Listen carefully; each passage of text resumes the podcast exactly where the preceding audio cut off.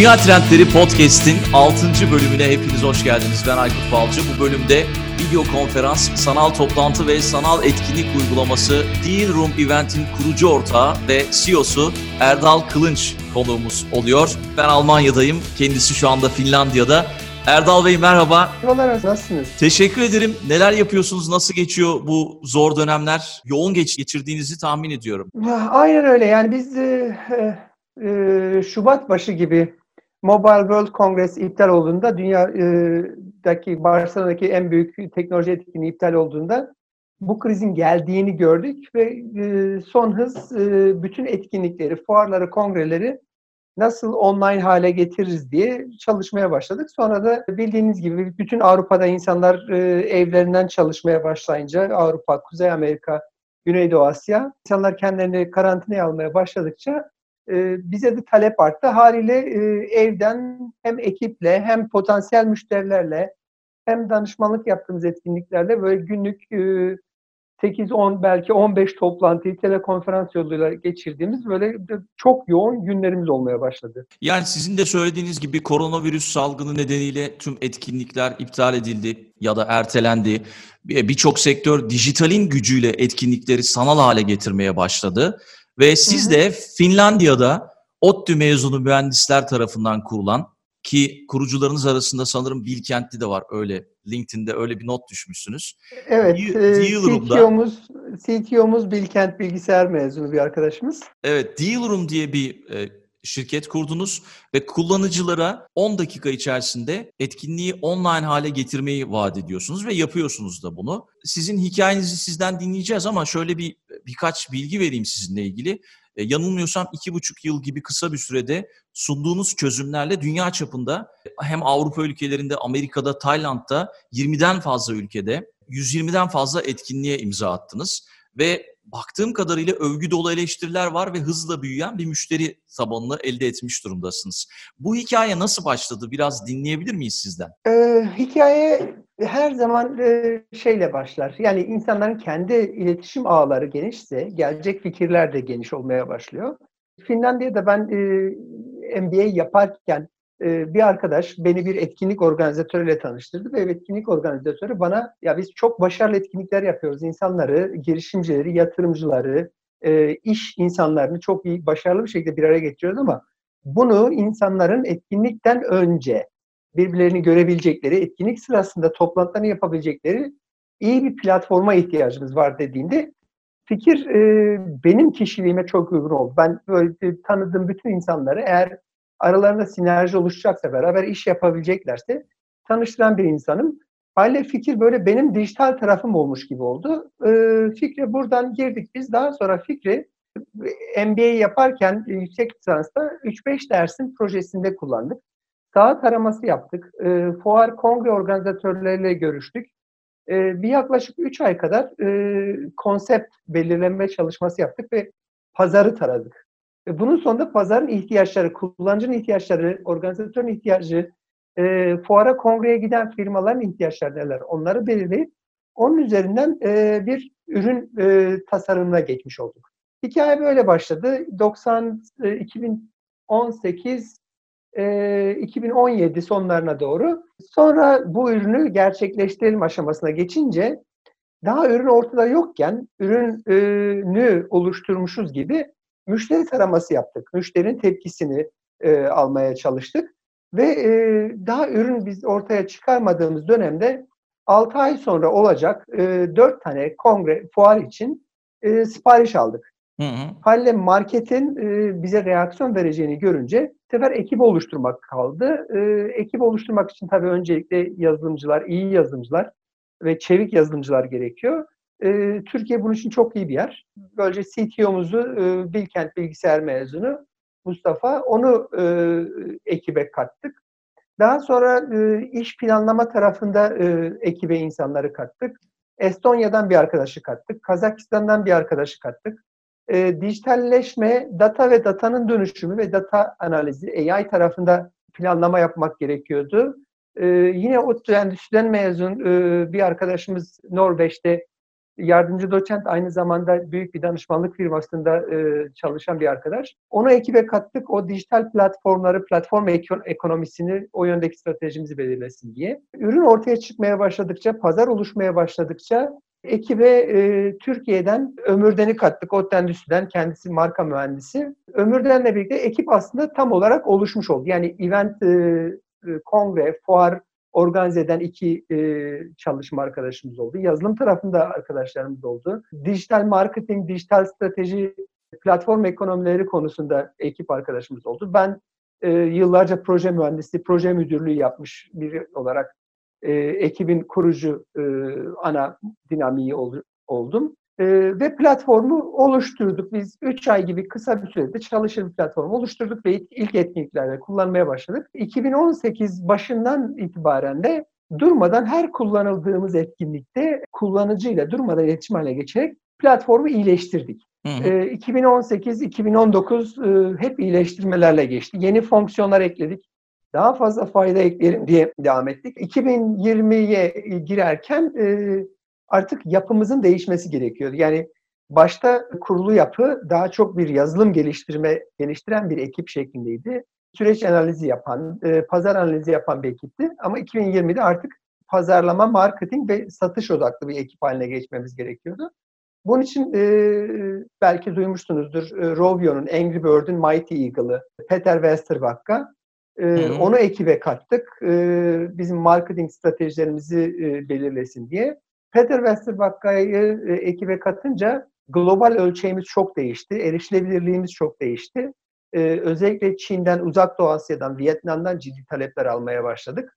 Kuzey Amerika'yı e, hiç hedeflemedik pazarlama stratejileri açısından. Oradan müşteri gelmesine rağmen e, gelen müşteriyi reddetmedik tabii ama e, pazarlamada yapmadık. Çünkü o market çok kalabalık bir market. Çok oyuncusun olduğu bir market. Ve e, business to business, e, işten işe e, bir marketten çok işten tüketiciye bir market olduğu için biraz zorlu bir market. Ama Avrupa ve Güneydoğu Asya'yı ağır bir şekilde hedefledik.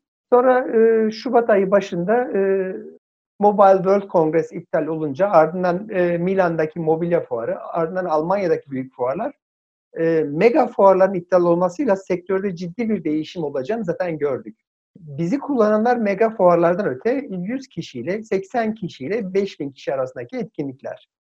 Ee, burada eşleşme etkinlikleri, iş bulma etkinlikleri, e, ürün lansmanı etkinlikleri vesaire aklınıza gelebilecek her türlü iş anlamındaki etkinlik, 80 kişi üzerinde olan etkinlik bir şekilde bizim hedef pazarımız haline geldi. Ee, ama e, değişen de bir dünya, Çin'den buraya doğru gelen bir virüs ve insanların iş yapış tarzında bir değişim oluşmaya başladı. Ee, ilk olarak biz havayolu şirketlerini takip ettik. Havayolu şirketlerinin vereceği reaksiyonu takip ettik. Ve havayolu şirketlerinin reaksiyonu çok net bir şekilde ortaya çıktı. Fiyat düşürmeye başladılar. E, uçak iptaline başladılar ve bu krizin Avrupa'ya sonra da Kuzey Amerika'ya yayılacağını gördük ve hızla e, biz yüz yüze, gerçek, insanların birbirine dokunabildikleri, görebildikleri etkinliklerden bunu hızla e, olası bütün tecrübesiyle dijitale aktarır mıyız e, sorusu oluştu ve e, çok kısa bir sürede, bir aylık gibi bir sürede e, birebir görüşme, konuşmacının e, yayınlanması, webcasting, e, online e, workshoplar, online yuvarlak masalar, online odalar, sınıflar bu tür fonksiyonların hepsini bir ay gibi kısa bir sürede Dealroom'a entegre edip e, bu değişen e, yapıya adapte olduk. Özetle hikayemiz böyle. Gerçekten güzel bir hikaye ve anladığım kadarıyla çok da deneyimli bir ekip kurmuşsunuz. Gerçekten işini bilen bir ekip kurmuşsunuz. Ve tabii ki şunu merak ediyorum. Böyle bir öngörünüz var mıydı? Mesela koronavirüs gibi bir öngörünüz sanırım yoktu. Önümüzdeki günler içerisinde pazarın buralara, bu noktalara gelebileceğini tahmin edebiliyor muydunuz? Pazarda şöyle bir şey tartışma hep ola geldi. Yani 2010'lardan beri var olan bir tartışma vardı online etkinlikler mi, gerçek etkinlikler mi? Hangisi alacak? Online tarafında çalışan bir sürü uygulama vardı ama hiçbir şey yüz yüze görüşmeyi, iş için yüz yüze görüşmeyi, yani yüz yüze görüşürken güven oluşturuyorsunuz. Göz göze bakıyorsunuz ve karar alma süreci daha hızlı oluyor.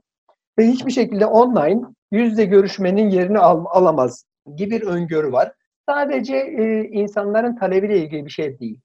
Etkinlikler e, bulundukları şehrin ekonomisine çok ciddi bir direkt katkıları olan sektör.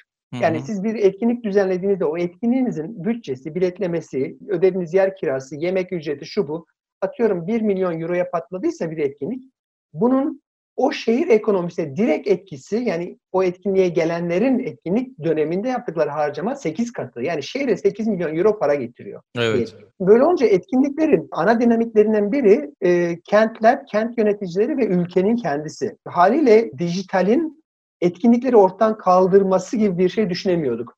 Ama şöyle bir şeyi öngörüyorduk. Etkinlikler bir anlamda yani bir fuara gittiğinizde fuar organizatörü size yaptığı şey sahneye e, gerçekten ünlü, değerli insanları getiriyor, şirket yöneticilerini getirip dinletiyor. İnsanlar birbiriyle görüşüyor ve bir taraftan da stand kiralayan firmalar. Yani etkinlik organizatörü aslında e, bir anlamda emlakçı. Durmadan stand kiralıyor, yer kiralıyor sizin için ve böyle evet. bir iş kurabilirsiniz. Ama dünya dijitalleşirken insanlar orada yer kiralamaya gelmiyorlar etkinliklere. İnsanlar orada iş bağlantısı kurmaya geliyorlar.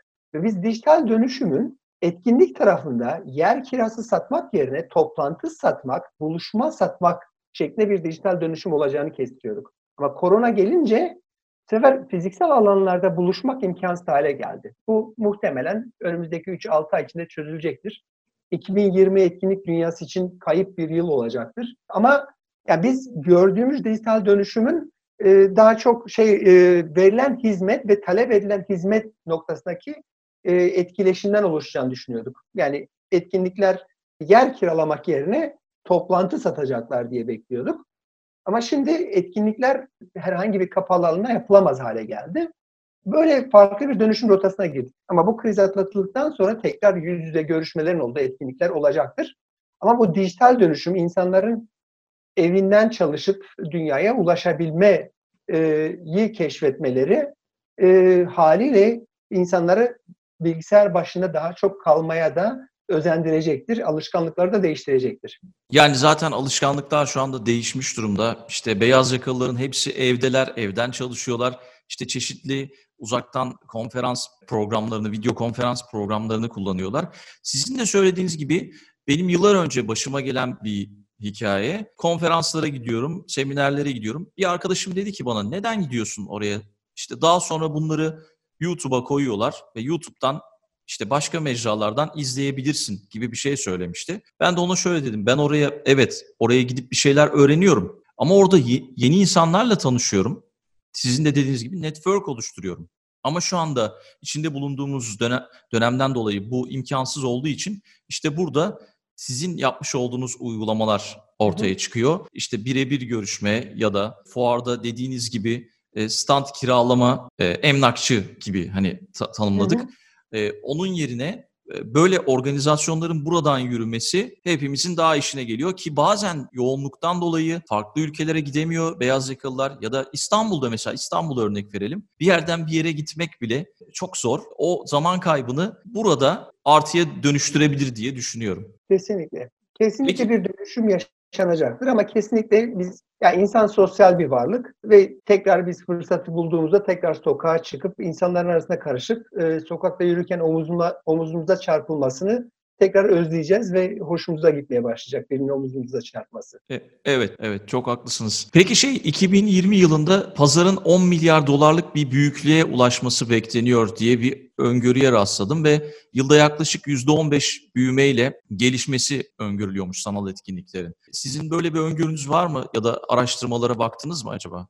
Şimdi şöyle bir şey söyleyeyim ben 2019'da etkinliklerin şehre katkısı olarak düşündüğümüzde bir buçuk iki buçuk trilyon dolar ve bu yani gerçek etkinlikler 26 milyon iş yaratıyor global ölçekte. Çok gerçekten fazla.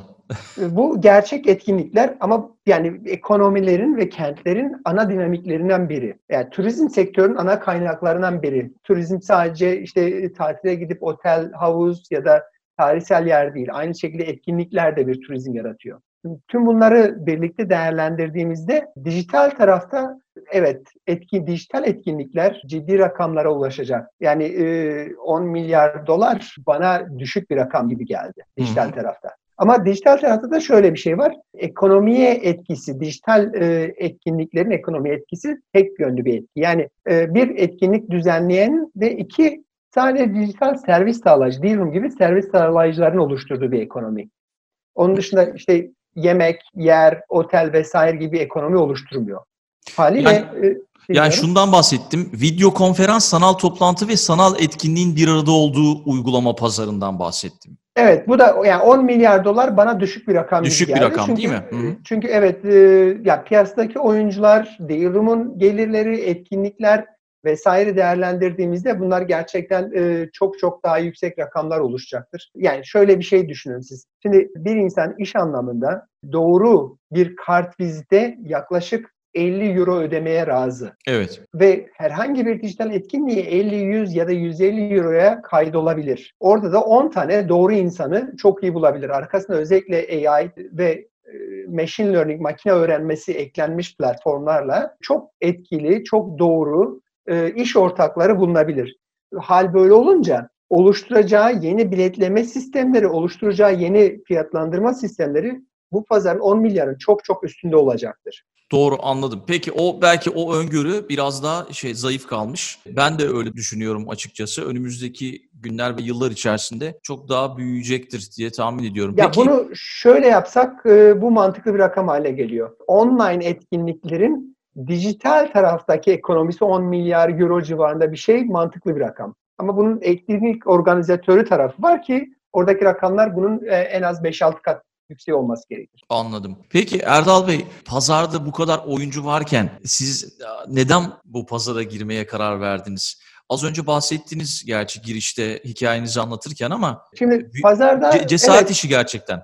Yani tek başına cesaret de değil aslında. Şimdi pazarda e, pazarı iyi araştırırsanız pazar size aslında çok şey anlatıyor. Pazarda gerçekten çok oyuncu var. Ben şunu çok söylerim. Kız arkadaşından erkek arkadaşından ayrılmış yazılımcı Tinder benzeri program geliştiriyor matchmaking evet. platformu geliştiriyor. İhtiyaçtan. Ee, aynen. Bir sürü startup etkinliğe gidip de yatırımcı bulamamış olan yazılım startup'ı 3-5 e, etkinlikten sonra aa ben ne güzel bir e, e, yatırımcı startup matchmaking platform geliştireyim deyip hemen e, bunu geliştirmeye kalkıyor. Öyle olunca da piyasada gerçekten bir sürü oyuncu var.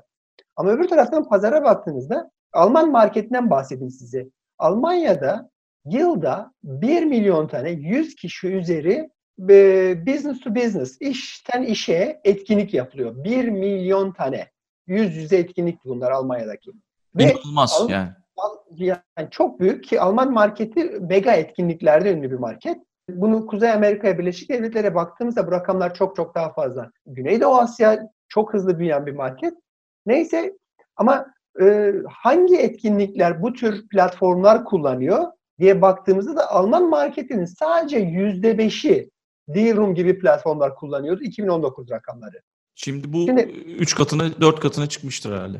Yani 3-4 katına çıksa bile yani piyasada 50 oyuncu olsa bile markette eğer %5 marketin e, marketin %5 ele geçildiyse ortada hala bir %95 var. O zaman piyasada yani teknoloji sağlayıcı ekosistemde iş modeline bir hata olduğunu görüyoruz. Hı hı. Ve e, biz rakipleri incelediğimizde evet rakiplerimizin hepsi çok iyi servisler veriyor. Ama rakiplerimizin hemen hemen hiçbiri fuar organizatörüne benim markam senin başarın, beni kullan daha çok kazan modeliyle gitmemiş. Biz Dealroom'la bizi kullanan fuarlara hem daha çok gelir elde edebilecekleri imkanlar sunduk hem de ürünlerini yani fuarlarda daha rahat satabilecekleri, daha rahat pazarlayabilecekleri e, bir argüman verdik. Hal böyle olunca kalabalık bir markete girmekten çekinmiyorsun çünkü markette dinamiklerde bir sorun var. Yani bunu biraz daha anlaşılır bir hale getirmek için şimdi otel marketi çok kalabalık bir market değil mi? Her yerde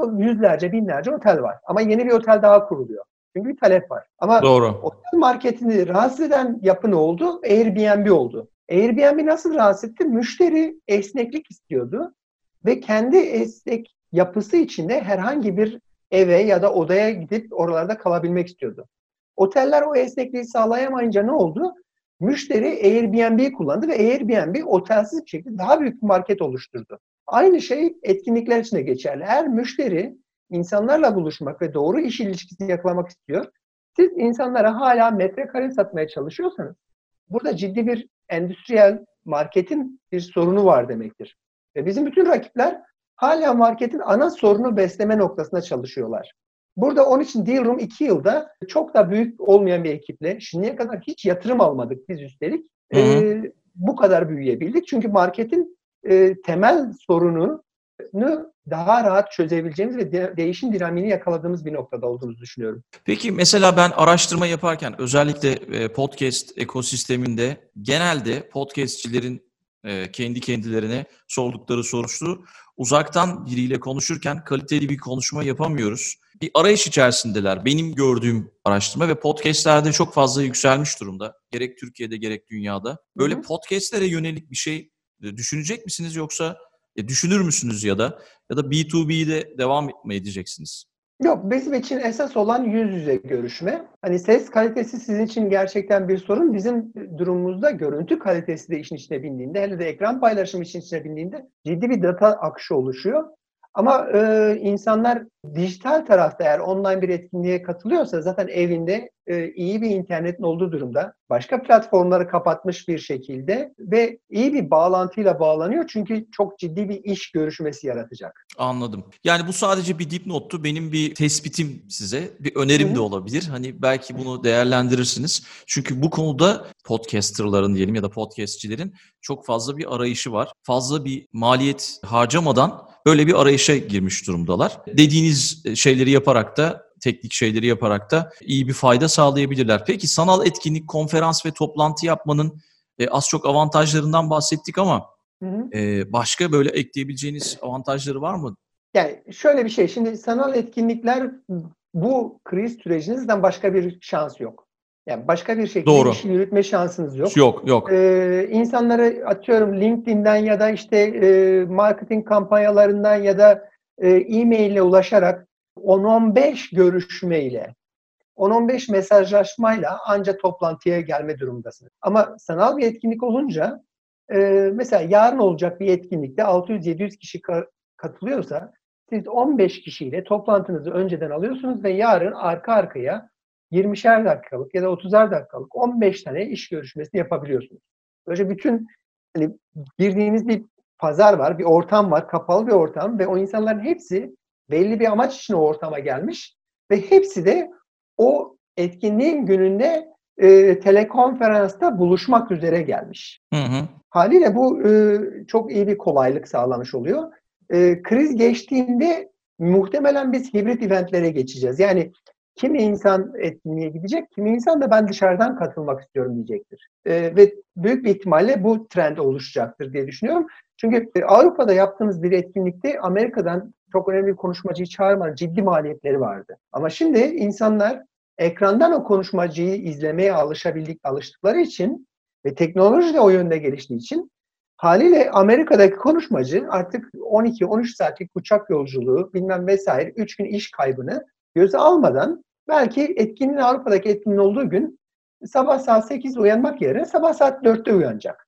Ama etkinliğe katılıp da yine e, birebir ilişkilenebilecek ve insanların varlığını hissedebilecek bir nebze olsa. E, e, o ee, açıdan avantajları var. Aynen o açıdan avantajları var. Ee, onun dışında online platformlar e, hem kapalı platformlar yani kapalı etkinlik platformu 500 kişilik, 1000 kişilik, 2000 kişilik. Böylece sadece 500 bin, 2000 kişi oluyor. Ve sonrasında mesela Dealroom'da biz platformu etkinlik sonrasında açık tutuyoruz. Böylece insanlar etkinlikten sonra da gelip birbirleriyle chatleşebiliyorlar. Evet o da çok güzel. Bu normalde diğer e, firmalarda olmayan bir şey anladığım kadarıyla. Ee, yani çoğu Sizin... rakip piyasadaki çoğu rakip bunu yapmıyor ama biz daha sonra yani platformu hiç kapatmıyoruz. Çünkü e, fayda orada oluşmuş oluyor.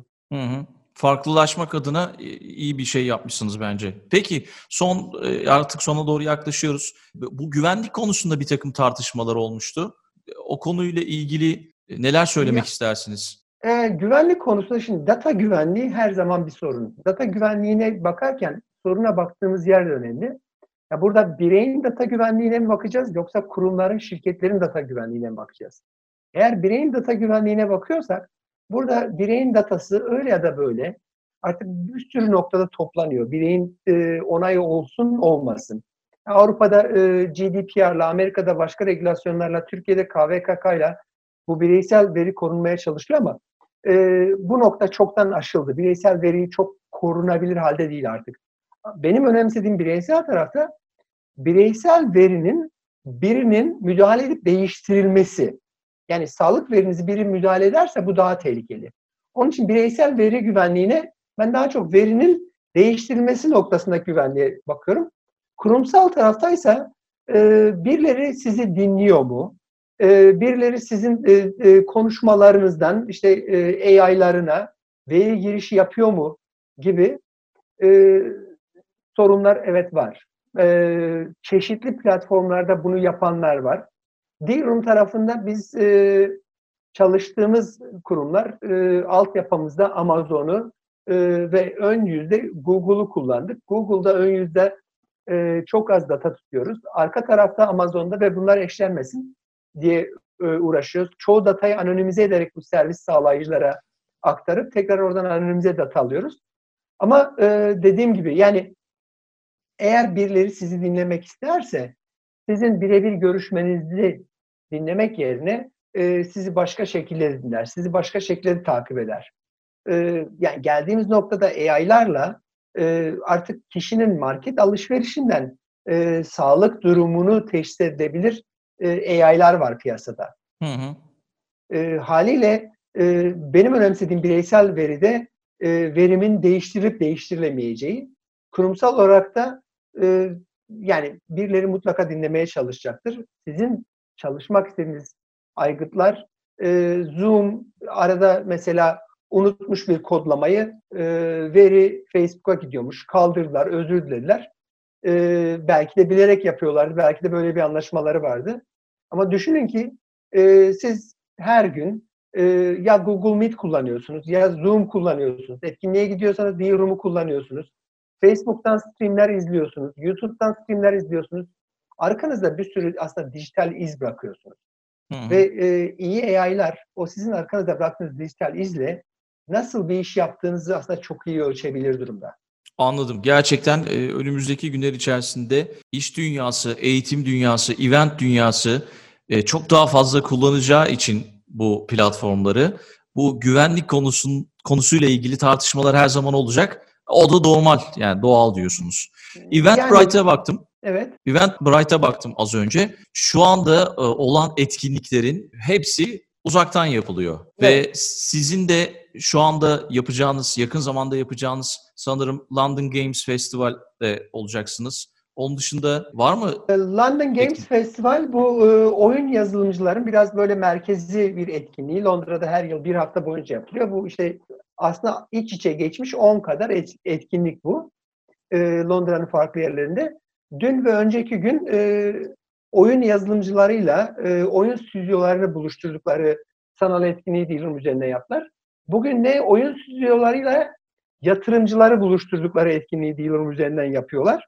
E, 700 küsür kadar toplantı oluştu, birebir toplantı. Yarın mesela e, Stockholm'de, e, Stockholm'un en büyük yatırımcı startup etkinliği Dilrum'u kullanıyor. Bine yakın insan etkinliğe kaydını yaptırmış. Orada da binin üzerinde toplantı olacaktır mutlaka birebir toplantı yatırımcılarla e, girişim şirketleri, startuplar görüşecektir. Hafta sonu Finlandiya'daki Hack the Crisis'in ikinci etabı What the Hack, D-Room'u kullanacak mentor ve e, partner buluşmaları için. E, devamında yine Estonya'da sonraki hafta gelen etkinlikler var.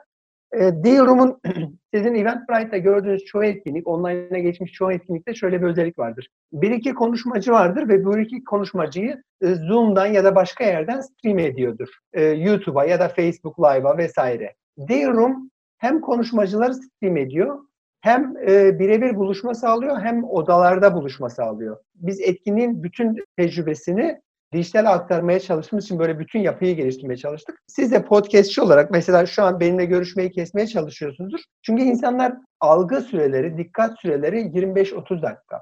Hı hı. Yani e, siz bir etkinliği bütün konuşmacılar sabahtan akşama kadar 8 saat boyunca stream ederseniz izleyici ortalama 45 dakika süre geçirecek. Ama izleyiciye bir sahneyi dinle, atla diğer bir odada git milletle konuş, sonra birebir toplantı yap, sonra gel bir sahneyi dinle gibi değişik değişik olanaklar verirseniz o zaman D-Room'da e, London Games'te bizim ölçtüğümüz dün ortalama insanlar platform üzerinde 2 saat 40 dakika vakit geçirdiler. Bu çok yüksek e, bu bir rakam. çok yüksek bir rakam evet. Çok yüksek bir rakam. Yani bir kişi 2 saat 40 dakika ortalamada D-Room üzerinde durdu. Çok yüksek rakam. Haliyle yani etkinlik çünkü etkinliğe gittiğinizde 6-8 saat kalıyorsunuz etkinlikte. Gerçek etkinlikte. Şimdi dijital tarafta 2,5 saat, 2 saat 40 dakika çok iyi bir rakam. Çünkü belli ki o kişi 2 saat 40 dakika boyunca birebir toplantı yaptı ya da bir şeyleri dinledi. Yani ben e, şöyle podcastlerde genelde 40 dakika tutmaya çalışıyorum ama daha az da olabiliyor. Nadiren Hı-hı. çok da fazla da olabiliyor.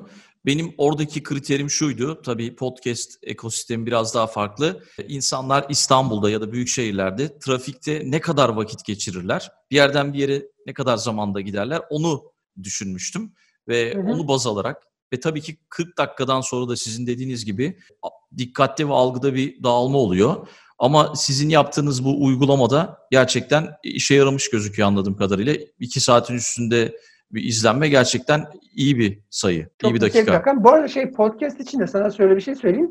Ee, geçen bir makale vardı. İnsanların radyo dinleme e, oranı daha da artmış bu krizde. Herkes görsel medyaya yönelecek diye beklerken e, YouTube'u bilmem televizyonları vesaire insanlar daha çok radyo dinlemeye başlamış.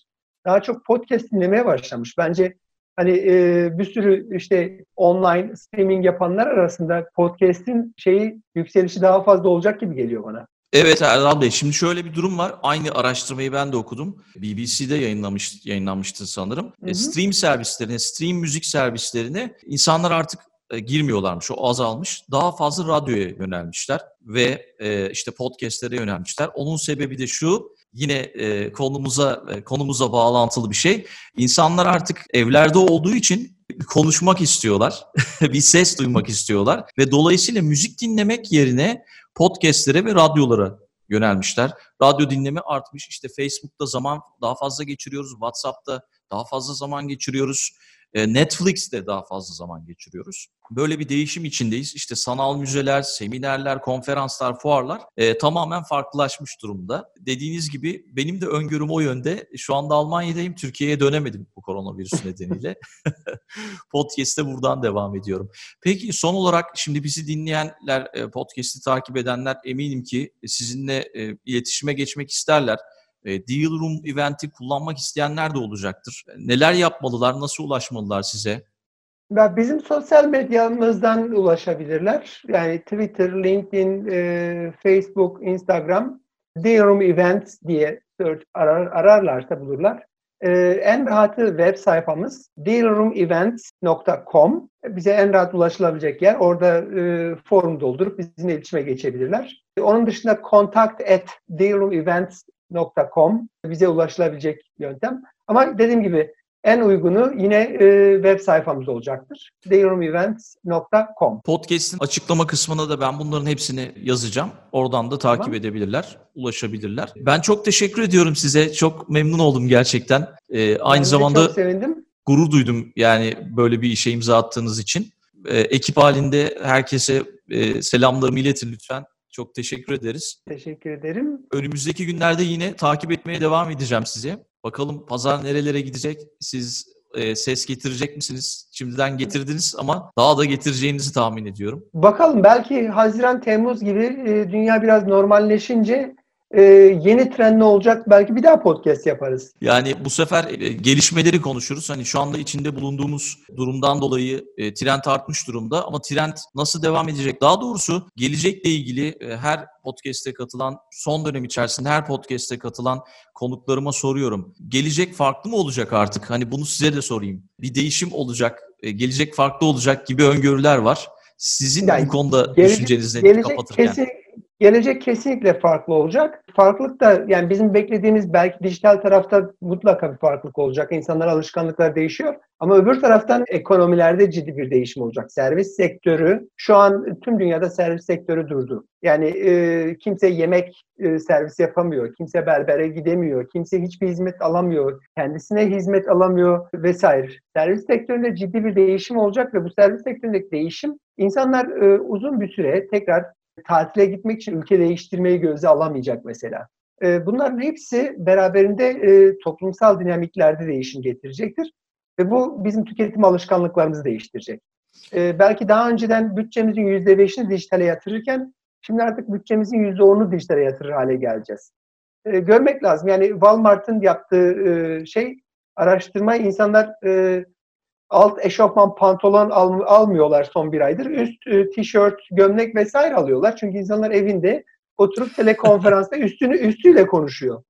Şimdi böyle evet. bir anında böyle bir e, tüketici alışkanlığı değişimi yaşadı. Yani kesinlikle farklı bir dünya bekliyor bizi korona olayı bittikten sonra bir şekilde bu virüs aşısıyla ya da tedavisiyle alt edildikten sonra ama e, insanlardaki değişim mutlaka etkilerini sürdürecektir. Birçok şeyi uzaktan yapabildiğimiz de görüldü ve günün sonunda aldığımız çıktı ve faydanın da aynı olduğunu gördük. Hatta daha fazla olduğunu gördük. Bugün konuştuk. De- dediğiniz gibi büyük bir değişim olacak. Mesela ben yani, kendi tıraş makinemi aldım. E, saç tıraşımı kendim yapıyorum. Evde ekmek yapmaya başladık. Yani evden bizim örnek verebileceğim, kendi evimden örnek verebileceğim örnekler. Yani e, onun dışında bir sürü değişim olacak. En basit değişim sizin de başınıza gelmiştir. Sabah 8'de saatine bakan, e, hangi personel girdi, hangi personel girmedi diye bakan e, müdür, süpervizör. Şimdi personelle evde muhtemelen kendisini acayip mutsuz hissediyor. İnsanlara mesaiye geç geldiğini baskısı yapamıyor diye. Ama personelde evden aslında teknik olarak beyaz yaka özellikle daha verimli çalışmaya başladı. Evet bu kesinlikle doğru. Herkes memleketlerine gitmiş bu arada. yani şey, çalışıyor. E, şey ol yani biz e, yıllardır işte kim müdürdür, kim liderdir diye tartışırken artık müdürün e, çalışan üzerinde bir şey sopası kalmadı. Yani mesaiye 5 dakika geç kaldın, toplantıya 3 dakika geç kaldın. Aa burada niye çayını içiyorsun vesaire muhabbetleri bitti. Ve insanlar şu an sadece verimli bir şekilde e, işlerini yapıyorlar. O süre günde 2 saat, 3 saat ya da 5 saat neyse ama e, ofiste 9 saat mesai yapmak zorunda değiller artık. Ve bu iş yapış tarzımızda da ciddi bir değişiklik getirecek. Erdal Hocam çok teşekkür ediyorum. Gerçekten çok e, güzel bilgiler aldık senden. Bizi dinleyenler de eminim ki e, keyif almışlardır. Birçok şey öğrenmişlerdir. Deal Room Event'e bundan sonraki hayatında ben başarılar diliyorum. Umarım her şey sizin için güzel olur. Hocam çok teşekkürler. Umarım siz de e, sağ salim bir an önce memlekete dönebilirsiniz. İnşallah. Peki. E, tekrar buluşmak üzere. Çok teşekkür ederim. Selamlar. Ben teşekkür ederim. Çok teşekkürler. Bu bölümün de sonuna geliyoruz. Unutmayın dünya trendlerine infodünyatrendleri.gmail.com adresinden ulaşabilirsiniz. Buradan merak ettiğiniz her şeyi sorabilirsiniz. Twitter üzerinden de et dünya trendleri adresinden takip etme şansını yakalayabilirsiniz. Çok yakında www.dünyatrendleri.com adresinden de yayında olacağım. Merak ettiğiniz her şey ve geri dönüşleriniz benim için çok önemli. Hepsini bekliyoruz. Yeni bölümde yeni bir konukla buluşmak üzere. Şimdilik hoşçakalın. Dinlediğiniz için teşekkürler.